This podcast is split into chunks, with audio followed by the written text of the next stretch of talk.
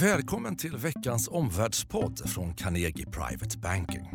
Omvärldsstrategerna Helena Haraldsson och Henrik von Sydow belyser tre händelser inom makro och politik som påverkar de finansiella marknaderna. Det är mitt i påskveckan, andra avsnittet av Omvärldspodden direkt från Carnegie. Helena Haraldsson sitter mitt emot mig och jag heter Henrik von Sydow. Veckans tre frågor. För det första, USA, världsekonomins motor. Hur går det? Det andra, penningpolitiken. Vad är viktigt att ta med sig från ECB och Feds mötesprotokoll? Till sist, franska valet närmar sig. Direkt på den första veckan, första frågan, det är ju USA som ju är världsekonomins motor. Men förra månaden så skapades eh, ganska få eh, nya jobb. Helena, hur orolig ska man vara för USA? Ja, inte särskilt faktiskt. Därför att trots att det var få nya jobb i mars, det var bara 98 000, det är under 100 000. Det är en svag siffra. Man brukar säga att man behöver kring 200 000 nya jobb för att det ska vara en bra och hygglig konjunktur. Men det intressanta är att om vi inte bara tittar på mars utan på hela första kvartalet så var faktiskt sysselsättningsökningen under de tre månaderna i genomsnitt 180 000 nya jobb per månad. Och det är bra, framförallt med tanke på hur sent i cykeln USA ligger. Konjunkturen har hållit på ett tag. Mm. Eh, ganska få nya jobb i mars säger du. Mm. Samtidigt så var arbetslösheten rekordlåg.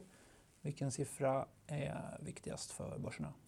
Och det brukar faktiskt vara just jobben då. Men de här två siffrorna baseras på två olika enkäter eller olika sätt att mäta. Eh, de här 98 000 jobben det baseras på vad företagen har svarat och det är en tidsserie som är ganska slagig och volatil. Eh, den revideras ofta och den revideras ganska mycket och ändå följer marknaden den här. Arbetslöshetssiffran däremot baseras på hushållens svar och de signalerade att det hade skapats betydligt fler jobb under mars. Det här fick då arbetslösheten att falla till 4,5 procent. Det är den lägsta nivån på tio år. Men det är också mer än en halvering från de 10 procent där vi låg efter den stora finanskrisen. Sen fick vi fler siffror häromdagen också. Mm. Eh, lediga jobb och jobberbjudanden de är på jättehöga nivåer, sju månaders högsta. Vi såg också hur småföretagen som är väldigt verksamma på den inhemska marknaden mm. är jätteoptimistiska. Mm. Fortfarande Trump-eufori kan man säga, men som håller i sig. Vad tycker du blir slutsatsen? Ja, jag tycker slutsatsen är att den här starka arbetsmarknaden den kan driva upp löner och inflation. Och det betyder att Fed, den amerikanska centralbanken, kan komma att strama åt penningpolitiken mer eller kanske snabbare än vad marknaden förväntar sig. Helena, den andra frågan då. Du nämnde ju penningpolitiken. Eh, centralbankerna har ju möten som marknaden följer mycket noggrant. Eh, hur vet man egentligen eh, hur de tänker och resonerar? Jo, vi har ju tur då att framförallt centralbankerna i väst de vill vara väldigt tydliga. Kina kanske inte riktigt går i samma fotspår, men de publicerar ofta protokoll. Det gör man i Sverige, det gör man i Europa och i USA. Eh, de här kommer ofta med lite tidsförskjutning, kanske några veckor efter själva mötet. Men i de här protokollen så kan vi då läsa hur gick diskussionerna? Hur ser argumenten för analysen ut? Och på det sättet då så kan vi få signaler om framtida penningpolitiska beslut. Och förra veckan fick vi just protokoll från både ECB och mm. Fed. Och, och vad avslöjade protokollen den här gången? Jo, det var intressant. Feds protokoll avslöjade att man diskuterade hur ska man minska balansräkningen. Eh, Fed har ju sedan finanskrisen köpt enorma mängder statsobligationer i tre stycken program för att ge stöd till ekonomin.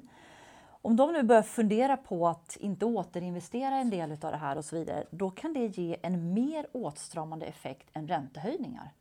Så det är ganska stort. Tittar du på protokollet från ECB, vad läser du då? Absolut, jag tyckte det var intressant också. En mer duvaktig ton än vad man kanske hade trott. Det var väldigt, väldigt tydligt. De vill slå hål på de förväntningar som började krypa in i marknaden om att det är väl dags att avsluta stimulanserna för ekonomin går så bra. Men på det blev liksom nej, det ska vi inte göra. De löper definitivt 17 ut. Eh, att de här protokollen ökade skillnaden, eller signalerade en, en ökad skillnad i penningpolitiken, det fick ju marknadseffekter. Vi såg att dollarn gick starkare. Den var uppe och nosade nästan på 9-10 mot kronan och nu är den fortfarande kvar över 9. Den här skillnaden i penningpolitik är också ett av skälen varför vi föredrar europeiska aktier framför amerikanska. USA stimulerar, eller Europa stimulerar såklart, USA stramar åt. En viktig skillnad för börserna. Och en viktig slutsats i sammanhanget. Precis, det här påverkar ju både valutor och aktier, skillnaden i penningpolitik.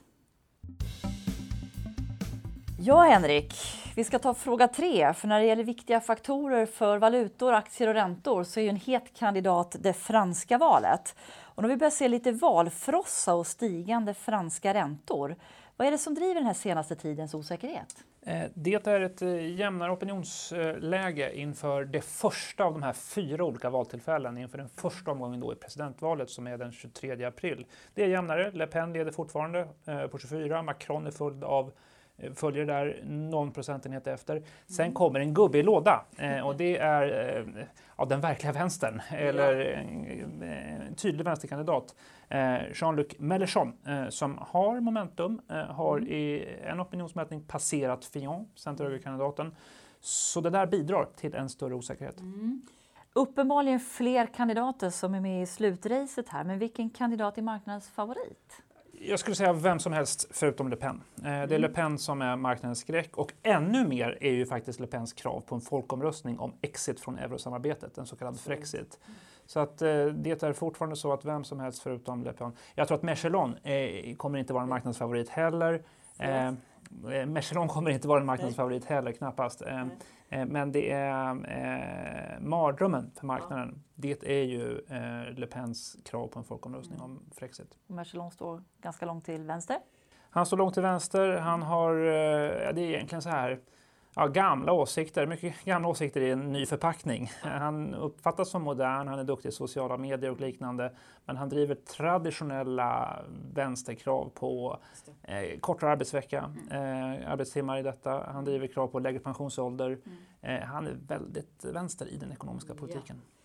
Vad ska vi titta på framåt nu då?